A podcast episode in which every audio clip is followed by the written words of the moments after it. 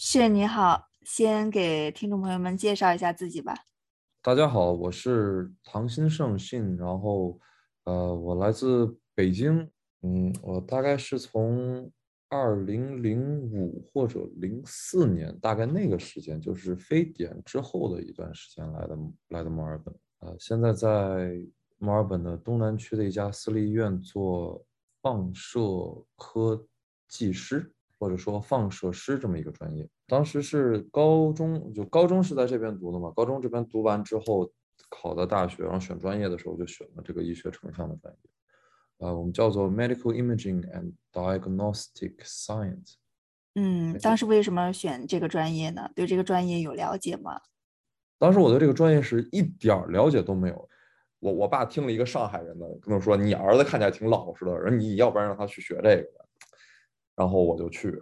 我在学这个专业之前，我在澳洲是没有去过医院的。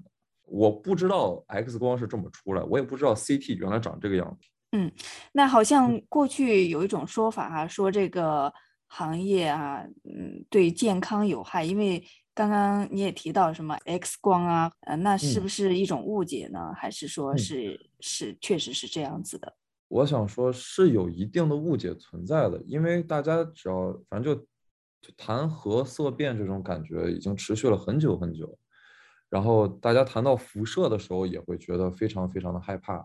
这个误解，我希望大家能啊，我也不能让大家消除这个概念嘛，因为它毕竟确实是对身体是有害的，但它有害的程度是我们可以控制的。像我这个专业在蒙纳是学是学了个四年的专业，然后这四年我们甚至从第一节课就开始。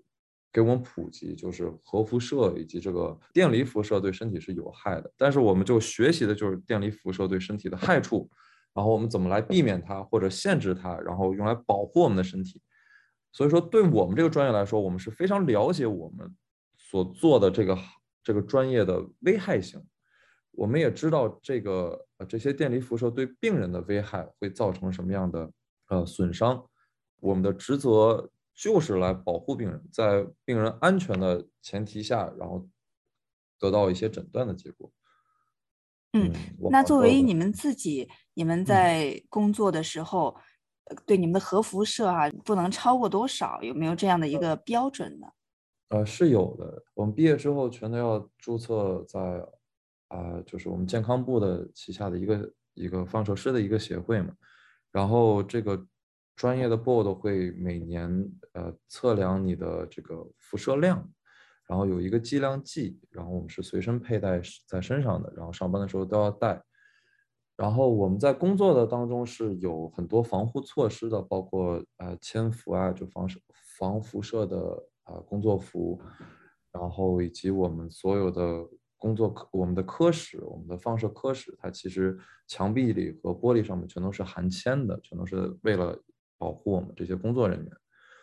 每年我们的计量计如果有超标的话，或者接近这个临界点的话，啊，我们会收到来自就是健康部的通知啊、信啊，然后来进行调查，呃，对你的科室进行 order 的。所以说，我们是非常在意保护我们员工的这个安全。嗯，那其实说到这个放射师这个职业哈，我觉得作为一般人来讲，我觉得他们可能。大体的概念就是说，好像是拍拍什么 X 光啊，然后做做 CT 呀，好像嗯就没有其他的，似乎看起来很简单。那其实是不是真的是这样呢？能不能跟我们说一说啊？你的这个具体的工作内容都有哪些呢？能不能给我们普及一下？首先，在我看来，我们工作最大的难点就是跟每个病人进行沟通和交流。我们需要在短时间，就是在有限的这个诊断时间内，然后跟病人达成一种，呃，相当于是一个心理的一种协议或者口头上的协议，就让他要获取迅速的获取病人的信任，然后并且呃给他解释清楚我们今天要做的检测内容以及为什么要做这样的检测，啊，然后我们得出的结果大概会对你的诊断有什么帮助，然后让病人安心之后，我们再进行。给他进行这个检测，然后这个检测又分很多很多种，所以每天，嗯，对每个病人的检测时间大概在十到十五分钟左右，所以就要在这十到十五分钟之内做很多很多的工作，啊，不光需要让病人配合你，你还要配合病人。呃，因为我是在医院工作，所以说不光是有门诊的病人，还会有急诊的病人，以及呃三百多个病床上病房的病人。我们每天其实就是 time management，就是把自己的时间整理好，就是非常非常不容易的。然后呃，比如说一个 CT，我要把病人从他的病床上搬运到我的病床上，这个往往就需要四到五个五个同事一起协力来把病人 transfer 到我的病床上。然后接下来我要跟他。呃，解释一些做 CT 的安全须知，比如说，呃，对显影液的过敏反应，或者说是其他的，看他的肾功能是否完善，是否有啊可以去做我们这个显影的检测，然后还要啊，在他的在他的胳膊上或者说静脉上，然后安置置管，也就是扎一针，然后让我们有啊显影液可以通过置管输入到他的静脉里，然后。呃，我们再进行显影的工作，嗯，在这之后，当然也就是做检测，也就是按按按钮啊，然后做检测。但做检测的同时，我们需要知道我们要看的是什么，我们的所检测的目标位置是在哪里，我们所看的是什么类型的疾病，所以这就需要我们有一定的病理知识，啊，也要对我们对，呃，就整体的医学知识要有一个，呃，检测的医学知识需要有一个比较完善的了解。然后做完检测之后，当然我们要确保病人在我们病床上的啊安全问题啊，如果他出现了任何的过敏反应的话，我们如何去嗯及时的进行抢救，然后如何的呃安排我们的急救团队到我们的科室来，然后以及事后的一些处理，这些都是我们日常工作当当中的一部分，也是往往别人看不到的这一部分。嗯，所以说对病人他的病情的一个大体的了解，会直接影响到你们拍片子的直接的一个效果。嗯，对的。比如说肠胃有问题的话，我们就是一般 GP 给我们的检测单上就会写，就是拍一个就是腹腔的这么一个 CT 检测。啊，但是如果你如果是肝脏有问题，我们要主要是去 focus 在我们的肝脏的话，那其实我们拍的也是。腹腔的一个检测，但是我们所用的啊 CT 技巧啊以及我们的 CT 指令是完全不一样的。然后通过就不同类型的病，我们有不同类型诊断的方法。虽然说都是用的是同一同一样的机器，这个也是反正就是别人是不知道的，嗯，但是我们知道。呃，我们的科室的其实是一个辅助治疗的一个诊断科室。呃，你要想，如果你去看了 GP 的话，GP 说，比如说我。打球的时候把骨头撞折了，或者说是把脚给扭，然后到 GP 的去看 GP 的时候，GP 看你的脚踝已经肿成肿得不成样子，然后他就跟你说，那你去拍一个 X 光，我们去看一看。GP 会选择用 X 光，首先是因为它，嗯，快捷、方便、便宜、有效，然后辐射量非常的低，而且通过 X 光我们就能立刻判断出你的这个病情，就因为 GP 要看它是否是否是骨折，如果是骨折的话。在 X 光上就一看就看出来，然后就诊断目的就达到，然后就可以结束了。但是，如果是一个比较复杂的车祸，就比如说你开车的时候出车祸了，这个时候你的腿骨断了，呃，这个时候急诊科的大夫很有可能就会让你去拍一个 CT 的诊断，因为 CT 的诊断。非常非常的清晰，然后它是一个有一个三 D 成像的一个感觉，所以说我们可以看到你的这个骨折是什么类型的骨折，能够快捷的让我们的主治医师知道我们是为什么要做，呃，我们的病情在哪里。嗯，嗯，接下来其他的大夫，比如说骨科大夫，把你的骨头接上了，然后做了手术，接上之后，呃，过了三个月之后，你的脚踝那里还是不太舒服，还是觉得不能像之前打球这样那样能能。乱蹦乱跳了，这个时候你再去看 GP 的时候，GP 很有可能就会让推荐你去做一个核磁共振的检测。核磁共振它是没有任何辐射、没有任何电离辐射的，嗯，但是核磁共振它成像出来的呃影像会更能直接的告诉我们你的软组织以及你的韧带的损伤。所以说，我们每个不同种类的检测仪器所看的东西，呃，所 focus 的这个症状是不一样的。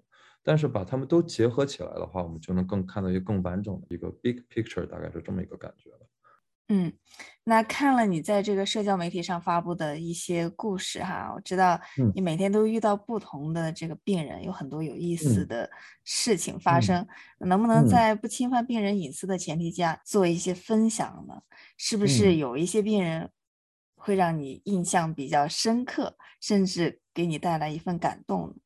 是的，我我最喜欢干的就是这个事情。我最开心的事情就是跟不同的病人病人进行交流，进行接触。然后，因为我觉得每个每个人生老病死是不可避免的，所以说在医院你往往能看到所有类型的人，他们之前一辈子所经历的这些啊人生啊经验啊，都会或多或少的从他们的谈吐之中跟你分享出一部分的故事来。我发现更多愿意跟我分享的是一些老人，然后因为他们可能子女已经不在身边，或者说。也缺少人陪他们说话嘛，所以说他们更愿意跟你分享一些他们他们的一些知识啊和经验。有很多病人都会为让我觉得非常的感动。比如说有一个从新加坡来的一个老奶奶，那天我不是在一个医院，我是在一个诊所工作。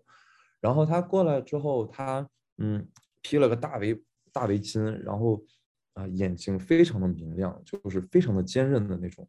嗯。就我一看就知道他肯定是个知识分子，是个高级知识分子，就就是给你那种感觉。嗯，然后后来我也是跟他聊天的过程当中，他说他原来在呃在新加坡的帝国大学任教，然后跟老公移民到了澳洲，然后给他做检测的时候，呃，他反而问了我的家庭情况，然后也问了我的工作环境。他最后跟我说，他希望我能受到良好的教育，过上平稳的生活。他说他们在。刚来澳洲的时候受到很多不公平的待遇，所以很在意现在，嗯，就在澳洲的亚洲年轻人的这个状态。我听了，就就是有一种说不上的感觉就涌上来了，就很多就要流眼泪了那种，很感动，是不是？就像我，就真的很感动。就像我一开始说的，就是我，呃，我们亚洲人群体还是有一种在 underrepresented 的感觉，尤其是从国内过来的这些。啊，我们这这一代人，因为也是忙着生活嘛，忙着生存，所以说很难再去在生存的同时再去把自己的声音发出来。这个老奶奶那个年代遇到的那些不公，可能我们现在还有部分人还是在受到同样的不公。我当时我就跟她说，嗯，我也是在努力的在生活，我也努力的在啊把日子过好，然后我也我也希望以后我也能变成您这样，然后。嗯，去去把我的影响力扩大，然后让更多的人过上更嗯没有那么累的生活吧，只能这么说。其实是陌生人，但是觉得跟自己的奶奶差不多，好像在关心自己一样。嗯，对，而且他是那种会关心，就是有一种很很伟大的那种大爱。对，就是让我觉得。嗯，我也要变成这样的人。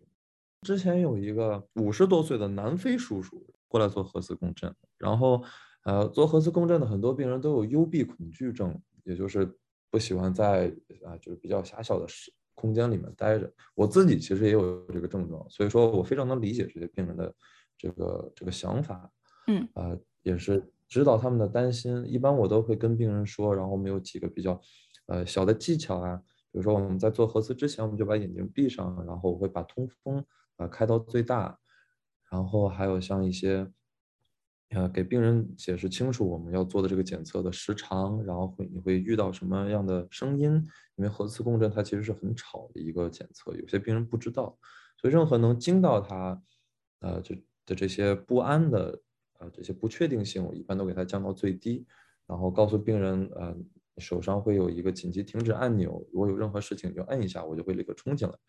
就是首先就是平缓病人的不确定性，让他们放心的去做这个检测，才会有最好的结果。但是这个这个南非大叔他也有幽闭恐惧症，然后但是呢，他这次来之前，他先吃了两片镇定剂才来的。嗯，然后边上坐着他老婆，负责检查之后开车带他回家，因为吃了镇定剂之后开不了车。啊，一般我们的推荐剂量是一片镇定剂，他非吃俩，他就说我真不行。我说好，我我说好没问题。然后我见我就我见他的时候，他的药效就基本上刚上劲儿，然后说话就慢慢就开始结巴。然后眼神逐渐迷离，上来就问我说 Where are you from？我说我说我北京。他说 Whereabouts in Beijing？我说我说海淀。我说 Have you been to Beijing？他说嗨，我也住北边儿。然后 他那那口音就出来了。然后我说您中文说的不错呀。啊，然后他他跟我大概就扯就开始就那话就停不就说中文了，开始。他就开始跟我说中文了，妈呀！然后他就说那可不是，我看我看你就像北京的。他说我九五年的时候把南非生意就给卖了，然后手上有点闲钱，带着老婆孩子去北京学中文了。然后他说他的意思就是说想扩大自己的水平，以后去中国做生意。然后当时啊，我在北京外国语，你知道北外吧？给我一种特别特别亲切的感觉，因为疫情这几年我也没回国，然后每次碰到有有人跟我说北京话，我就我就特别特别的亲切。然后我说我说我说我知道知道，我我家就在北外边上。然后他说嗨，当时跟我同班的都是韩国日本人，他们学的倍儿快。然后当时没什么老外，然后就我啥都不会。然后第一个礼拜就会说一句话，然后然后他让我猜，然后会说什么。然后我说我猜不出来，您说。然后他说他说他就会问宿舍怎么走。然后我就我我就，然后我说那你就先跟我走吧，然后我们先把检测做。然后他说别，咱再聊会儿。然后就那种就开始耍赖了，你知道吗？就那种感觉给我，就我又特别亲切，但是我又在工作，我又不好意思跟大家开始开开始开始聊。然后他，然后他就说呀，当时北京多好多好呀，好多好吃的呀，然后好多好喝的呀，学爱喝白酒啊。他说他学的慢，but 他吃的多。我说好嘞。然后每天都跟同学吃吃喝喝，然后北京姑娘也是，然后然后他老婆就开始在边上翻白眼儿，然后开始推他，就说你赶紧带他走那个意思。最后检测完之后，我问他，我说北京姑娘也怎么着啊？他说得，然后就走了，被他被他老婆就拽着就走了。哎呀，天哪！得 在北京话里面什么意思呢？反正就好的意思。能在很短的时间内跟他们达成一定的。就就交流起来也，我觉得也挺不容易。特别是这个在北京生活过的，而且说着一口流利的中文的。对，这个南非叔叔，哇，真是笑死我了。嗯，那在工作当中，是不是也会接触到不同文化背景的这种病人呢？是不是也需要特别的沟通方式呢？比如说了解他们的一些这个文化呀什么的。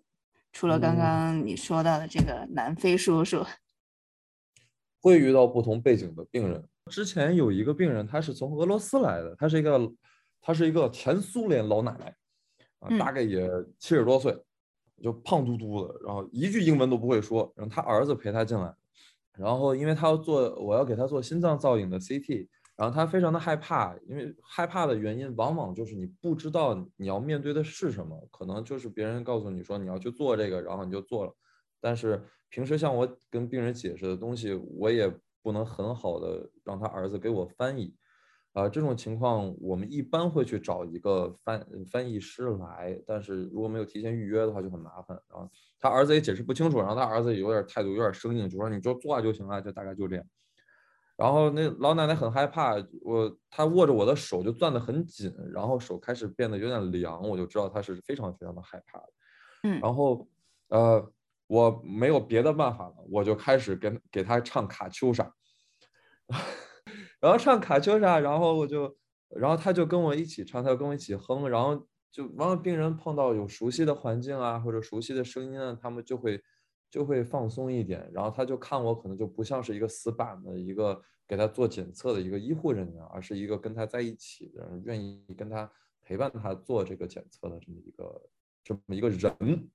嗯嗯，然后啊，我我看他对我就笑了嘛，然后就是手也慢慢的就变软了那种感觉，我就觉得真好，真奇妙，真开心。